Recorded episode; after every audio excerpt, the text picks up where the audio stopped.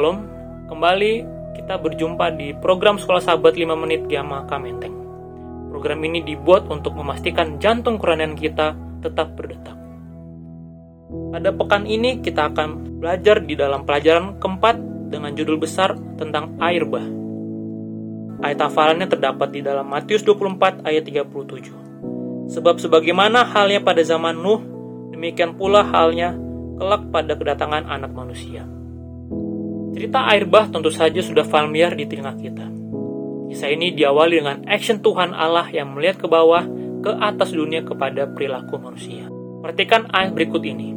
Di dalam kejadian 6 ayat 5, ketika dilihat Tuhan bahwa kejahatan manusia besar di bumi dan bahwa segala kecenderungan hatinya selalu membuahkan kejahatan semata-mata. Kata melihat pada ayat ini tentu saja mengingatkan kita pada tindakan penciptaan yang Allah lakukan dan Alkitab menulis Allah melihat semuanya dan sungguh amat baik. Namun pada kejadian 6 ayat 5, ketika Allah melihat dunia yang diciptakan, sungguh itu berbanding terbaik dengan apa yang dilihat ketika selesai menciptakan. Karena yang dilihat Allah adalah kejahatan. Maka misi untuk memulihkan dunia dari kejahatan dibuat oleh Allah. Dan seperti kata menyesal yang dalam Ibrani nakam yang artinya sorry maka bentuk lain dari kata nakam yaitu Noah, yang artinya comfort, dipilih untuk melakukan misi pemulihan itu. Dalam misi penyelamatan itu, Noah atau Nuh mendirikan bahtera dan menyelamatkan siapa yang rindu untuk diselamatkan. Kita masuk ke hari Minggu tentang persiapan air bah.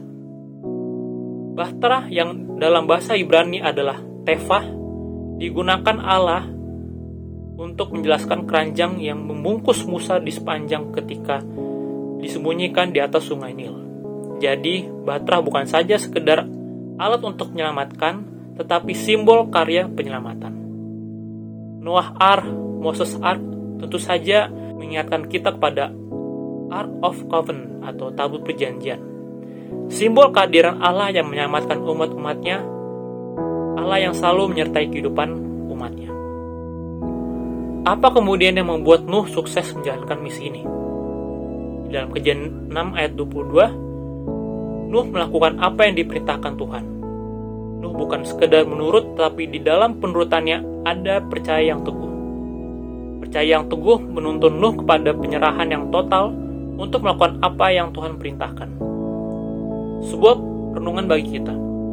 Seperti Nuh, kita dituntut untuk memiliki percaya yang teguh pada Tuhan percaya menuntun penyerahan seutuhnya kepada kehendak Tuhan, terutama dalam konteks melakukan perintahnya untuk mengamarkan dunia dari kebinasaan.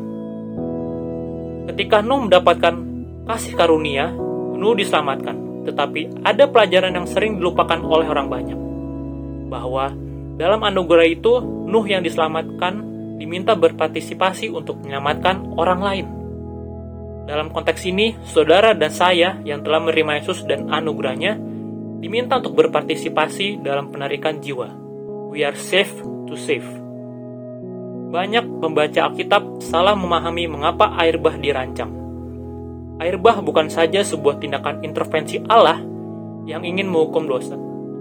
Tetapi ini adalah rencana keselamatan bagi manusia Allah melalui air bah ingin membuka mata dunia untuk menyadari betapa dalamnya mereka telah tenggelam dalam dosa. Kita akan masuk hari Senin tentang peristiwa air bah. Alkitab menyoroti ada enam paralel antara penciptaan dan air bah. Yang pertama, Allah melakukan pekerjaan penciptaan memakan waktu tujuh hari. Yang kedua, peringatan akan air bah juga datang pada Nuh tujuh hari sebelum hujan turun yaitu dalam kejadian 7 ayat 4 dan yang ketiga setelah Nuh masuk ke dalam bahtera tujuh hari lamanya untuk mereka menunggu air bah datang dalam kejadian 7 ayat 10 dan yang keempat tujuh pasang binatang halal. Yang kelima bulan ketujuh kandaslah bahtera di gunung Ararat terdapat dalam kejadian 8 ayat 4 dan yang terakhir yang keenam setelah burung merpati pertama kali dilepaskan dan tidak mendapat tumpuan kaki, maka tujuh hari kemudian merpati itu dilepas dan membawa sehelai daun zaitun segar di dalam kejadian 8 ayat 10 sampai 11. Inilah pesan paradoks Tuhan Allah menghancurkan apa yang sebelumnya diciptakan untuk menciptakan sebuah keadaan yang baru dari bumi yang penuh dengan dosa. Tetapi itu bukanlah untuk menyempurnakan bumi, kesempurnaan pemilihan itu akan terjadi pada di saat nantinya. Seperti yang ditulis oleh Yohanes dalam Wahyu 21 ayat 1. Kita akan masuk ke hari Selasa. Pada akhirnya Nuh menyadari betapa ajaibnya anugerah itu. Allah yang penuh kasih bukan saja memiliki inisiatif untuk memintanya membuat bahtera, tetapi selama perjalanan terapung di atas permukaan samudra dalam kejadian 8 ayat 1 menulis Allah mengingat Nuh dan segala isi bahtera. Saudaraku, perjalanan di atas dunia ini adalah perjalanan yang panjang, melelahkan, penuh dengan pergumulan dan tantangan. Tetapi ayat ini menjadi obat bagi kita yang jenuh bahwa Tuhan Allah mengingat kita dan sisi rumah tangga kita, sisi gereja kita yang berjuang bersama dalam perjalanan menuju rumah Bapa. Yang diperlukan adalah kesetiaan untuk tetap berada di dalam bahtera apa pun dan bagaimanapun keadaan di luar sana mengembus bahtera kita. Walau kita kepayahan, ingat janganlah kita tinggalkan bahtera karena Tuhan sedang melihat dan memperhatikan kita. Demikianlah sekolah sahabat 5 menit kita pada hari ini. Kiranya Tuhan memberkati kita semua. Sekolah sahabat yang bersahabat, bersemangat, semua terlibat, jangan terlambat.